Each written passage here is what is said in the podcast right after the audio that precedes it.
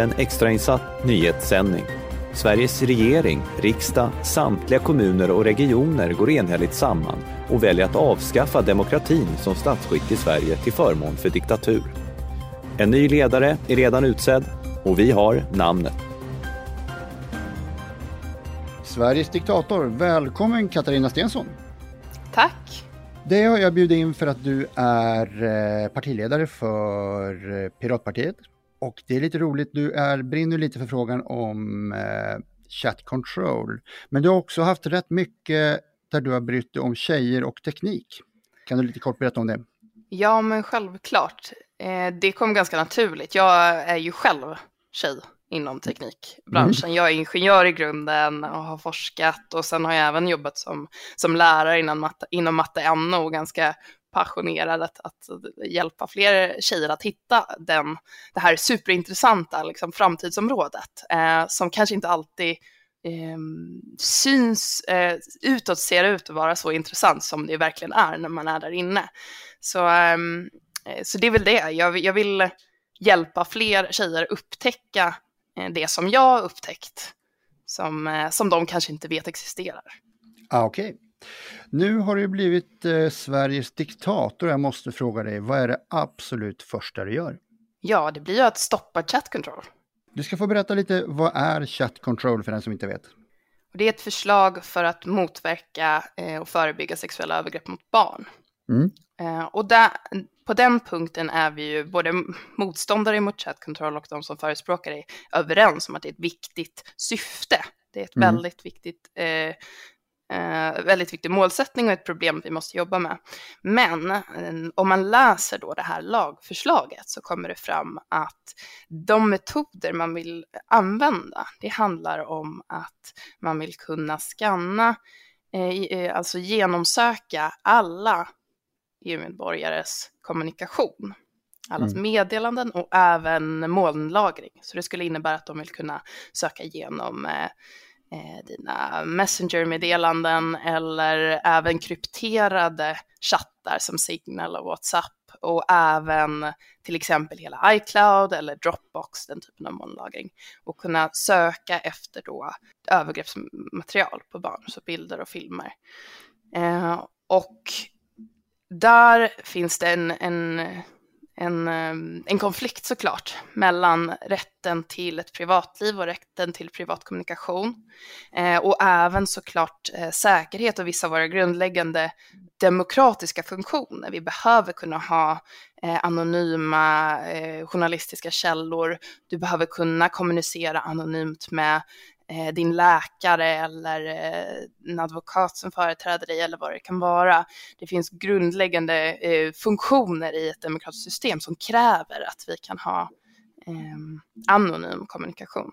Mm. Och eh, i det här lagförslaget så ingår det att man specifikt vill kunna läsa av även krypterad kommunikation.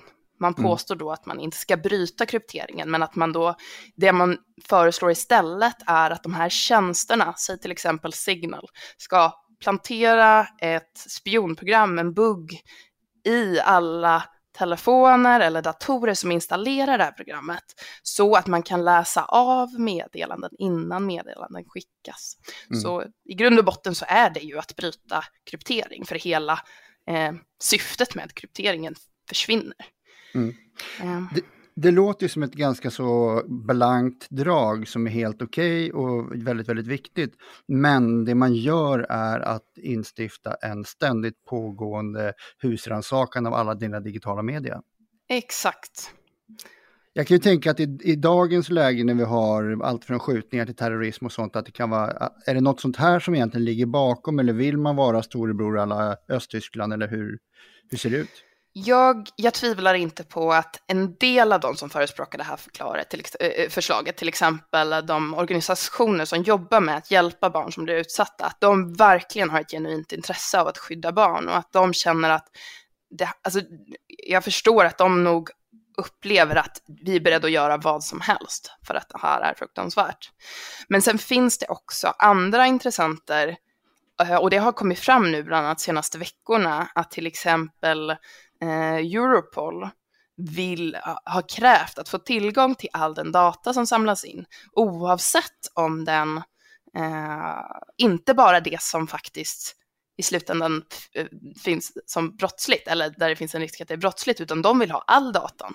Mm som samlas in oavsett. Så det finns definitivt andra intressen och i eh, protokoll som man har lyckats få ut från, från samtal med Europol så har det till exempel då kommit fram att, att de även har lyft att det här är ju något som man potentiellt kan använda för andra typer av brott. Så mm. ja, det finns definitivt ett, eh, fler intressen som, som, som ligger bakom det här. En annan sak som har kommit fram är att, att vissa av de organisationer som har lobbat för det här, som även kommissionen själv har finansierat, det är väldigt mycket fuffens här.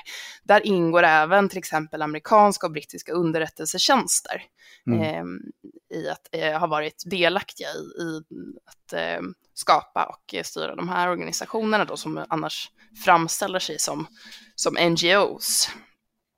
Jag mm. tänkte precis när du sa det här att alla hela tiden ska eh, kunna höra, eh, man ska kunna bryta krypteringen och lyssna på allt vad som trafikeras på deras eh, e-konton.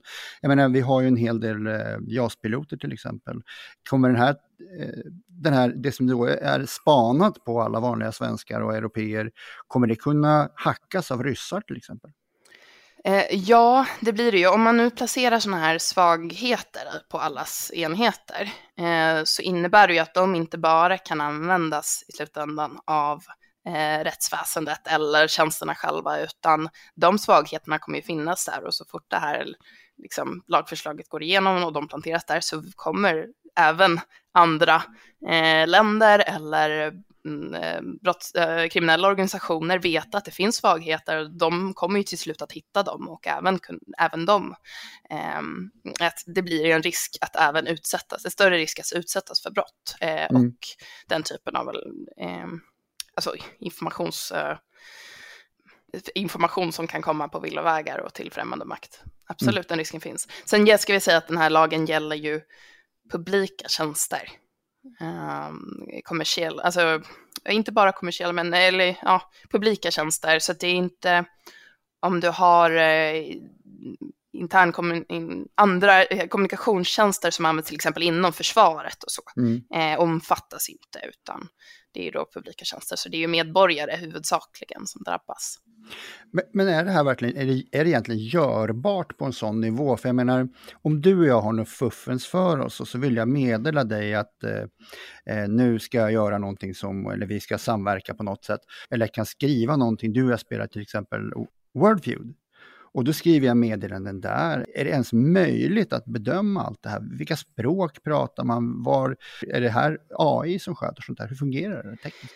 Så det där gäller ju, det här gäller då alla alla tjänster som har chattmöjligheter inom, eh, som verkar inom EU. Så det gäller även till exempel spel och andra typer av tjänster som inte är rent, rent ut sagt chatttjänster, utan eh, spel är en sån stor grupp av tjänster som kommer drabbas av det, som även kommer, kommer innefattas. Kanske framför allt den branschen, därför att eh, det man säger som ett steg ett är att de här tjänsterna ska göra en egen riskbedömning om hur sannolikt det är att den här typen av av material eller grooming och liknande förekommer på deras plattformar.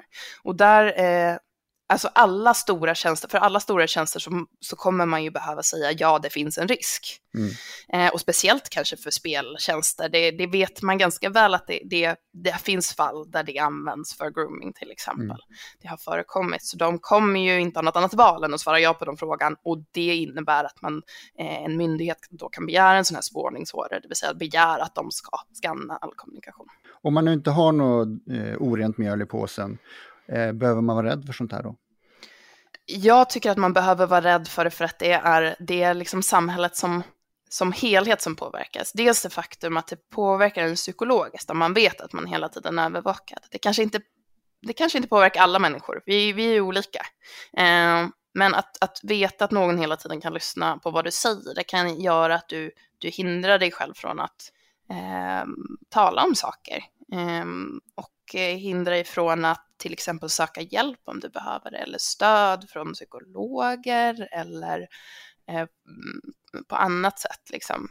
Eh, det kan också vara, speciellt eftersom att det här är till exempel då saker som kan kopplas till eh, det sexuella, att folk som har en till exempel avvikande sexualitet, att man inte vågar prata om det, att man inte, alltså eh, man kanske stänger sig inne istället, människor som faktiskt behöver den, den möjligheten att, att kommunicera med någon kring det. Eh, och sen är det ju igen det här med liksom de grundläggande funktionerna i samhället som vi alla behöver om vi vill fortsätta ha en demokrati eh, där vi fortsätter ha en möjlighet att påverka, där vi fortsätter kunna ha fri media och så vidare, då, då är de här eh, delarna väldigt viktiga, även om det inte påverkar dig direkt, så påverkar det dig mm. i, på det sättet att det påverkar vilket samhälle du har möjlighet att leva i. Ja, det är en intressant aspekt, det är det ju verkligen. Det förekommer ju också, man har, eh, det har ju gjorts undersökningar med ungdomar kring deras inställning till den här lagen eller till konsekvenserna av den. Och då framkommer det väldigt tydligt att, att eh, man skulle känna en eh, eh, större oro för att uttrycka um, saker kopplat till en sexualitet och också saker kopplat till ens politiska åsikter eller ståndpunkt. Om man visste att eh, någon eh, kan lyssna på det du säger eller det du skriver. Mm.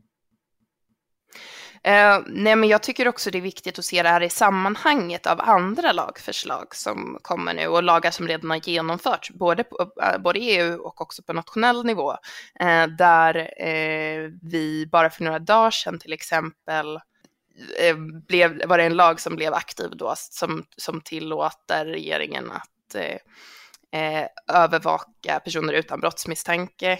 Eh, vi hade presenterat förslag nu nyligen kring att man vill eh, öka användningen av övervakningskameror också med an, an, ansiktsigenkänning på offentlig plats och så vidare.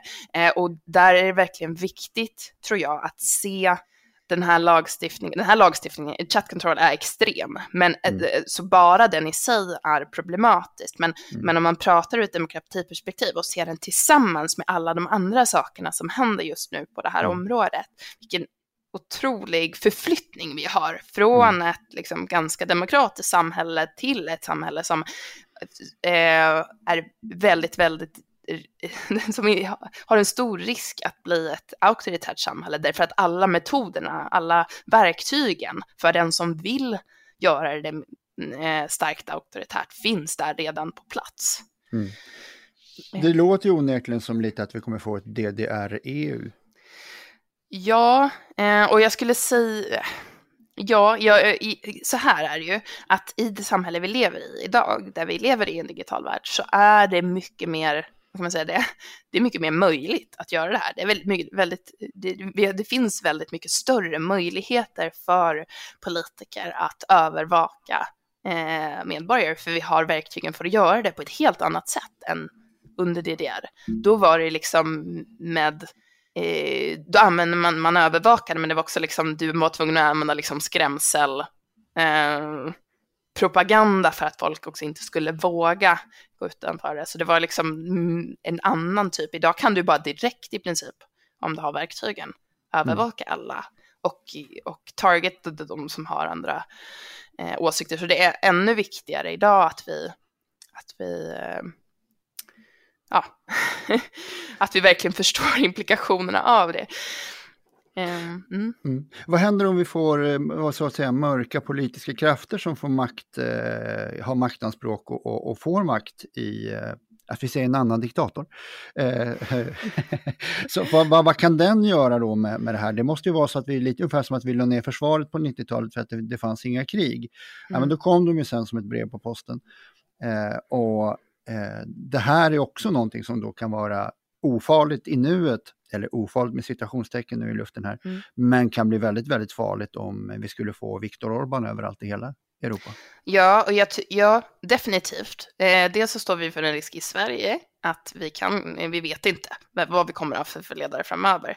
Men sen måste vi också förstå att vår, hur vi agerar i Sverige nu påverkar medborgarna i Ungern också, som faktiskt har en Orbán mm. som ledare redan.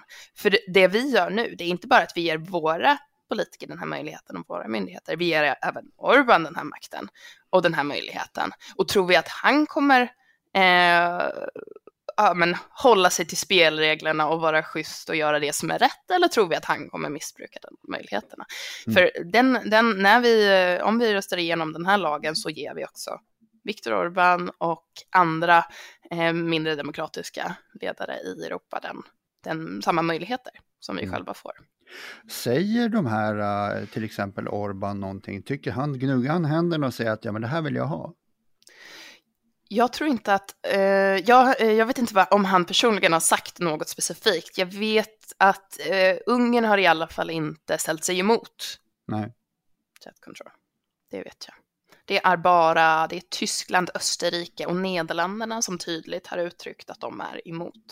Mm. Eh, och sen är det flera länder, några länder som verkar vackla lite fram och tillbaka. Och därför har också eh, omröstningen om det här eh, skjutits upp i ministerrådet. EU har ju två beslutande församlingar. Vi har EU-parlamentet och vi har ministerrådet. Och eh, i ministerrådet, där sitter då representanter från alla Europas regeringar. Mm. Så eh, i vårt fall så är det vår justitieminister då, eh, Gunnar Strömmer, som har ansvaret där att, att rösta för Sverige, att säga Sveriges eh, åsikt. Och, och vad, vad, är hans inställning till det här? Ja, det är faktiskt ett område som vi inte riktigt har eh, behandlat än eh, och det, det är tycker jag, intressant, för de är i stort sett, i stort så är de också positiva till chattkontroll. De ställer sig bakom det mesta, men inte riktigt allt.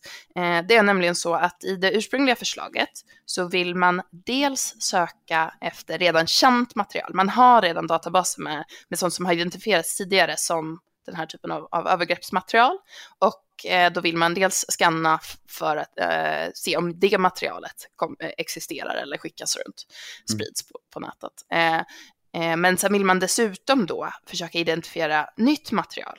Och det är ju ganska svårt. Det är väldigt svårt att till exempel identifiera när någon är minderårig och när de inte är det på en bild. Mm. Eller eh, identifiera det har varit ett fall i USA bland annat där det är eh, en pappa som hade skickat bilder till sin läkare eh, på sin son, då, eh, på hans eh, privata delar, eh, för bedömning. Och mm. det här har då fastnat i en, här, en sån här typ av scanning mm. och eh, den här pappan har då blivit felaktigt, ehm, vad ska man säga, då, Anklagad i alla fall. Anklagad, ja, eller liksom så flaggad som mm. potentiell pedofil. Mm. Och, och det är ju ett, det är ju en hemsk sak att uppleva, eh, kan jag tänka mig. Eh, och, eh, men det regeringen säger att de vill, vill undanta sig nytt material, så de vill inte göra dem, alltså, i dagsläget vill de inte göra de här skanningarna för okänt eh, material, utan bara matcha mot redan känt material. Eh, medan Socialdemokraterna, de förespråkar då hela kommissionens förslag, eh, inklusive tidigare okänt material. Mm. Så där finns det en skillnad och där kan man väl se, säga att eh, regeringens ställning är något bättre därför att det är lite större rättssäkerhet, lite mindre risk att, att personen blir felaktigt anklagade.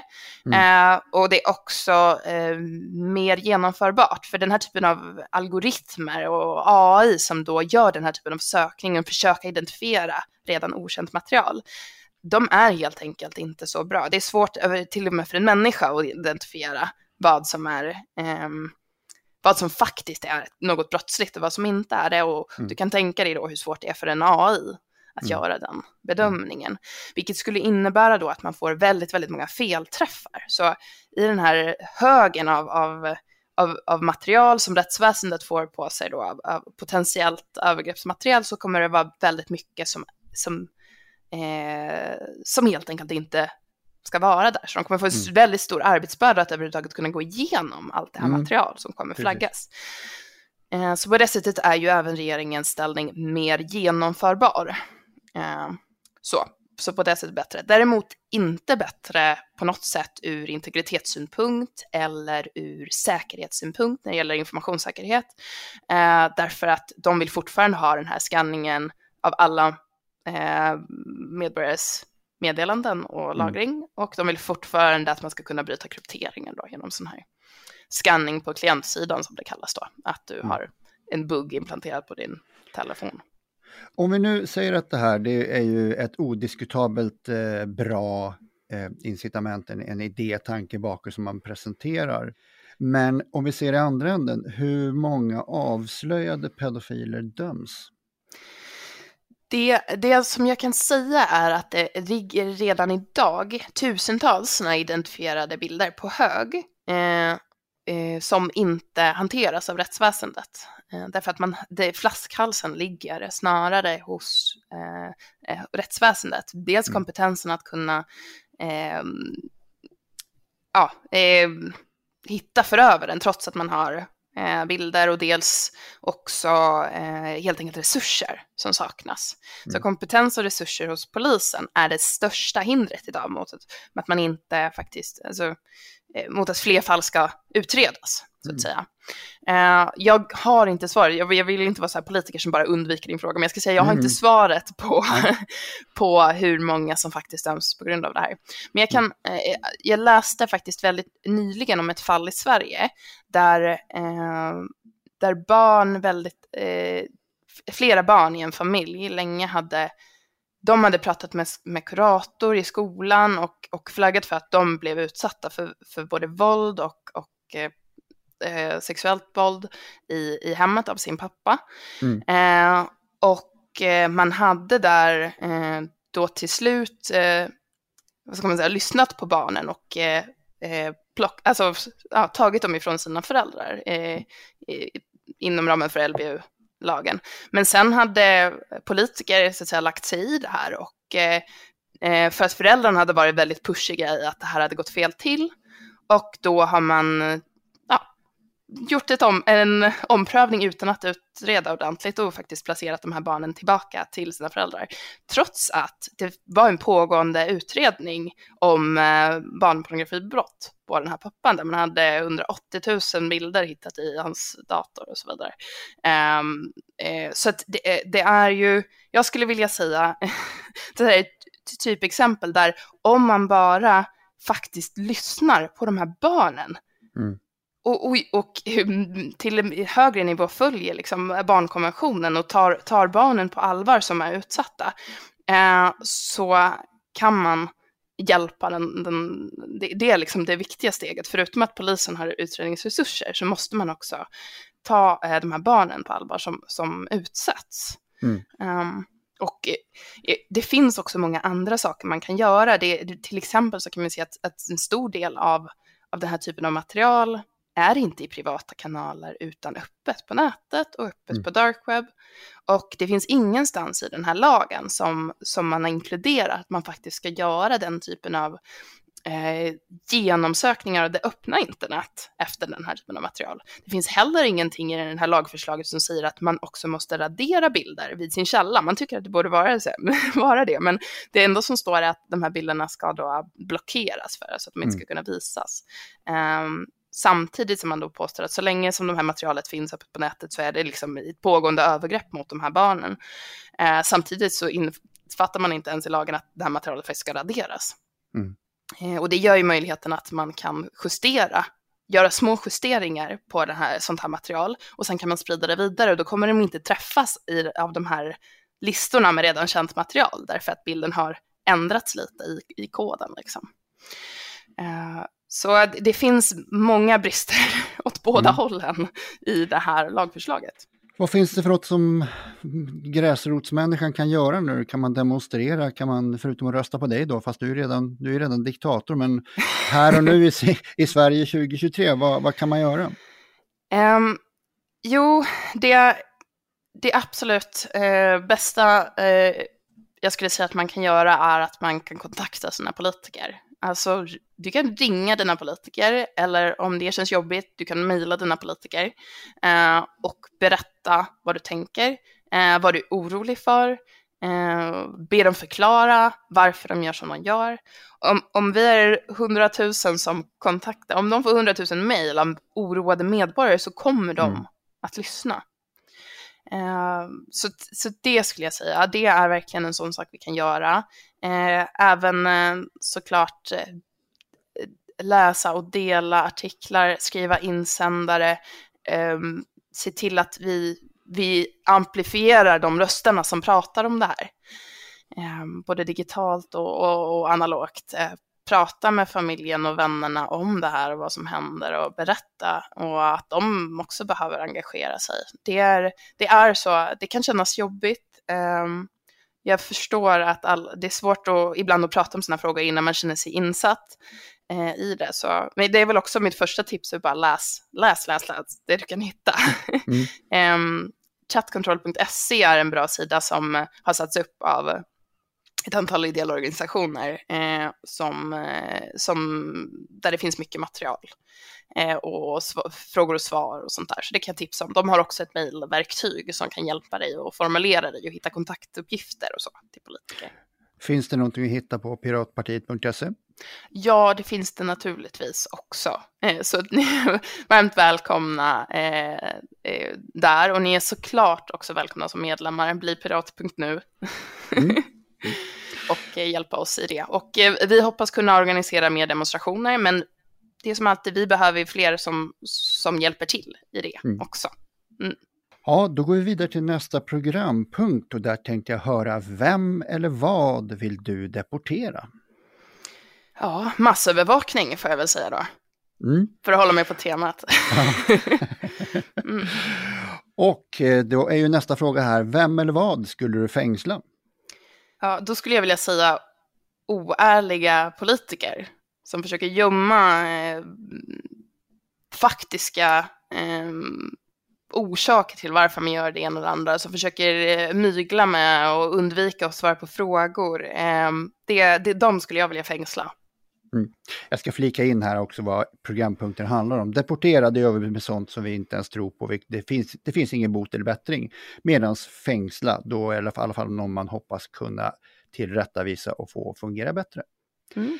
Nästa programpunkt är Vem eller vad skulle du ge ohemult mycket pengar i korruptionen som kommer i eh, som svans efter ditt ledarskap? Integritetsskyddsmyndigheten de behöver en större budget. Det är alltså tidigare Datainspektionen, det är de som ska faktiskt ansvara för att se till att eh, eh, bland annat GDPR efterföljs, men även andra typer av integritetskränkningar ska de eh, ja, utreda och agera på. Och just nu så har de i princip ingen budget för det. Den är väldigt, väldigt begränsad och eh, de har ett enormt ansvar egentligen. Så mm. Du får rätta mig här, men jag tycker jag ser en röd tråd i dina svar. ja, ja, men det, så är det ju. Jag skulle kunna säga väldigt många andra saker också, men jag mm. försöker hålla mig lite till en röd tråd också. vem, vem, tycker du passar bra som ett nationalhelgon i ditt Sverige? Vem eller vad? Jag försöker hitta någon i Sverige, annars det som poppar upp eh, också om vi ska hålla oss till den röda tråden är ju såklart Edward Snowden. Mm. Som eh, jobbade på amerikanska NSA, deras eh, National Security Agency, tror jag det står för. Mm. Eh, och eh, var den som då läckte, eller läckte dokument kring, eller information kring amerikanska underrättelsetjänstens massövervakning av både sina egna och utländska medborgare, det vill säga att de agerade i ja, emot vad som egentligen står i den amerikanska konstitutionen. Mm. Eh, han var ju tvungen att fly eh, USA därför att han, eh, han, eh, ja, han riskerade, riskerade fängelse och dödsstraff eller vad det var. Han riskerade i alla fall väldigt mycket straff. Ja, för att ha avslöjat att eh, amerikanska eh, ja, underrättelsetjänsten övervakade sina egna medborgare utan mm. misstänk. Mm jag har som programpunkt här att du ska utse din efterträdare. Det är då en blandad roll att du ska hitta efterträdaren som att det är någon som du skulle vilja se i podden. Det blir kanske lite svårt att säga just Edward Snowden, men han kanske är en bubblare. Jag kan säga en annan som, eh, som, eh, som en stor förebild för mig. Uh, ja, i och för sig, om den ska kunna komma till podden blir det svårt också, insåg jag. Jag får hitta på någon annan. Vänta. Mm. Jag tänkte på, ja, jag tänkte på Alexandra Elbayakan som är den som ligger bakom Sci-Hub. Som mm. är en, eh, en sida som delar fritt och vetenskapliga artiklar som mm. annars är bakom lås och bom. Eh, och hon är också förföljd och eh, stämd av amerikanska staten och det ena och det andra. Men hon är en hjälte för fri information skulle jag säga och fri kunskap. Mm. Um, något som också ligger mig varmt om hjärtat mm. tillsammans med skydd för integriteten. Det här var den svåraste frågan tror jag. Mm. Men om vi ska prata om det, om, eh, personer som jag tycker ändå är eh, intressanta, även om vi inte har vår politiska ställning exakt samma, men en som jag tror skulle vara kul att prata med är ju Peter Sunde som är en av grundarna av The Pirate Bay. Okej, okay. mm. då får jag försöka jaga honom. Det får du göra. Um, han är smart och kul att prata med kan jag säga. Mm. Mm. Då så Katarina, har du några avslutande ord? Jag vill bara säga tack så jättemycket för att jag fick vara diktator. Eh, och eh, den, här, den här världen känns, känns rolig, även om jag själv är emot, eh, eh emot diktatur i sig. Så, så är den här världen som jag, jag har fått skapa här en värld som jag hellre vill leva i än den som vi, vi står i ute i verkligheten. Så tack för att jag har fått eh, fly bort till den här eh, låtsasvärlden och jag hoppas att vi eh, kan hjälpas åt för att faktiskt ja, se till att den också blir verklighet. Mm. Fast utan mig som diktator. du ska ha stora tack Katarina. Ja, men tack själv. Tack så mycket. Hej, hej hej. Det var allt från Sveriges diktator för denna gång. Om du gillar podden är vi glada för all delning, alla gilla och varje tips till dina vänner om att podden finns. Du hittar oss också på sverigesdiktator.se. Tack!